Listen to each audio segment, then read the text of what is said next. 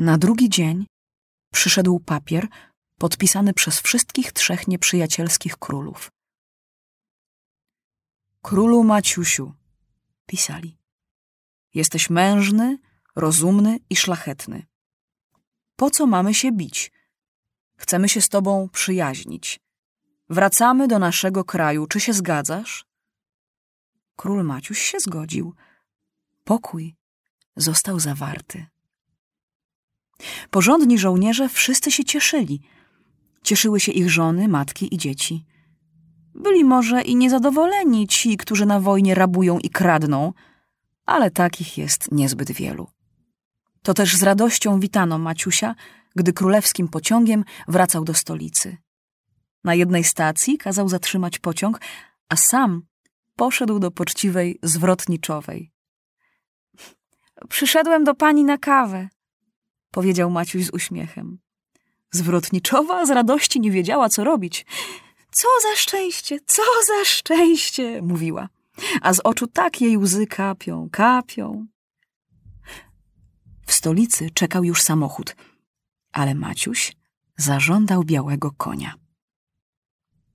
Ucieszył się mistrz ceremonii, za głowę się złapał. Ach, jaki ten Maciuś mądry. Właśnie na koniu powinien król wracać z wojny, a nie na benzynie. I jechał Maciuś stępa przez wszystkie ulice, a we wszystkich oknach mieszkańcy, a najwięcej dzieci. Dzieci najwięcej kwiatów rzucają i najgłośniej krzyczą. Wiwat! Niech żyje król Maciuś! Wiwat! Wiwat! Wiwat! Maciuś trzymał się ostro, ale był bardzo zmęczony. Atak, niewola, ucieczka, narada, znów bitwa, podróż, a teraz ten krzyk straszny tak zmęczyły Maciusia, że chwilami w głowie mu zaczynało szumieć i w oczach się migało. Tak jakby gwiazdy czy co? A tu jakiś gamoń rzucił w górę czapkę, która spadła akurat na głowę konia. A koń był rasowy, z królewskiej stajni, więc bardzo wrażliwy. Koń rzucił się w bok, a Maciuś spadł z konia. Zaraz przenieśli go do pojazdu i już pełnym galopem odwieziono do pałacu. Maciuś nic sobie nie zrobił złego. Nie zemdlał, a tylko zasnął mocno. I spał, spał, spał. Do wieczora, a potem do rana i jeszcze do południa. Żryć dawajcie do stu piorunów! Huknął Maciuś, aż lokaje zbledli ze strachu jak papier. W minutę na łóżku, koło łóżka i pod łóżkiem stało już ze sto półmisków z jedzeniem i przysmakami. Zabrać mi w tej chwili te zamorskie frykasy! huknął Maciuś. Chcę kiełbasy z kapustą i piwa! Rety babskie. W pałacowym kredensie ani kawałka kiełbasy. Na szczęście kapral straży pałacowej pożyczył. Ach, wy mami synki, niunie, piecuchy, pieszczochy, dziamdzie, lallusie, ciamary! Sypał Maciuś całą swoją żołnierską uczoność. Już ja się do was wezmę teraz! Wcina Maciuś kiełbasę, aż mu się uszy trzęsą, a myśli w duchu. Teraz będą wiedzieli, że wrócił prawdziwy król, którego muszą się słuchać.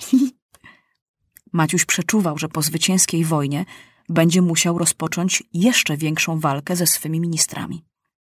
Jeszcze na froncie doszła uszu wiadomość, że minister finansów pieni się ze złości. Ładny zwycięzca, mówił. Dlaczego nie żądał kontrybucji? Zawsze tak było, że kto przegra, ten płaci. Szlachetny. Dobrze, niech teraz sam gospodaruje, gdy w skarbie pustki. Niech płaci fabrykantom za armaty, szewcom za buty, dostawcom za owiec, groch i kaszę. Dopóki była wojna, wszyscy czekali, a teraz płać, jak nie ma z czego. Wściekły był i minister spraw zagranicznych. Jak świat światem, nigdy jeszcze nie zawierano pokoju bez ministra spraw zagranicznych. A cóż to ja, od parady? Urzędnicy śmieją się ze mnie. Ministrowi handlu fabrykant spokoju nie dawał. Płać, mówi, za lalkę porcelanową. I prezes ministrów niezbyt miał czyste sumienie. I prefekt policji trochę się obawiał, że wtedy nie bardzo mądrze ucieczkę Maciusia wytłumaczył. Maciuś trochę wiedział, resztę się domyślał i postanowił zrobić z nimi porządek. Dość tych ministerialnych rządów. Albo się muszą słuchać, albo fora ze dwora. Teraz prosić prezesa ministrów nie będzie, gdy mu się zechce chorować. Oblizał się Maciuś po kiełbasie, splunął na dywan i kazał wylać na siebie kubeł zimnej wody. Na, to jest kąpiel żołnierska, powiedział zadowolony. Włożył koronę na głowę i wszedł do sali posiedzeń. Był tam minister wojny. A gdzie reszta? Nie wiedzieli, że wasza królewska mość chce z nimi odbyć naradę. O, może myśleli, że po powrocie z wojny zasiądę do lekcji z zagranicznym guwernerem, a oni będą robili co chcą? Do pioruna mylą się bardzo. Panie ministrze, ogłaszam naradę na godzinę drugą. Kiedy się zbierzemy w sali, ma się cichaczem zebrać w korytarzu pluton żołnierzy. I plutonowy ma stać przed drzwiami i słuchać, a jak klasnę w ręce, ma wejść z żołnierzami na salę.